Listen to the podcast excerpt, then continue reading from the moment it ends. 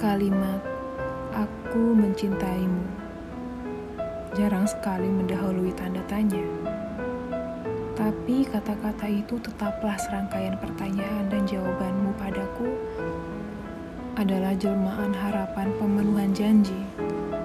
Di satu titik di antara jatuh dan patah hati, pertanyaan itu tumpah dari bibir kita berulang kali. Mudah menjawabnya dengan tangan rakus dan mulut buas. Pertanyaan itu dibisikkan nyaris tanpa daya dari atas atap.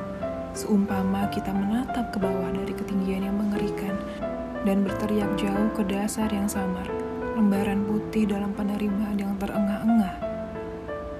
Sebelum mengucapkan selamat tinggal, aku melontarkan pertanyaan itu, dan jawabanmu adalah gema tanpa makna. Aku berdiri, seolah telah berteriak di hadapan mulut jurang yang kosong, hanya untuk mendengar gaung kata-kataku sendiri yang berulang-ulang.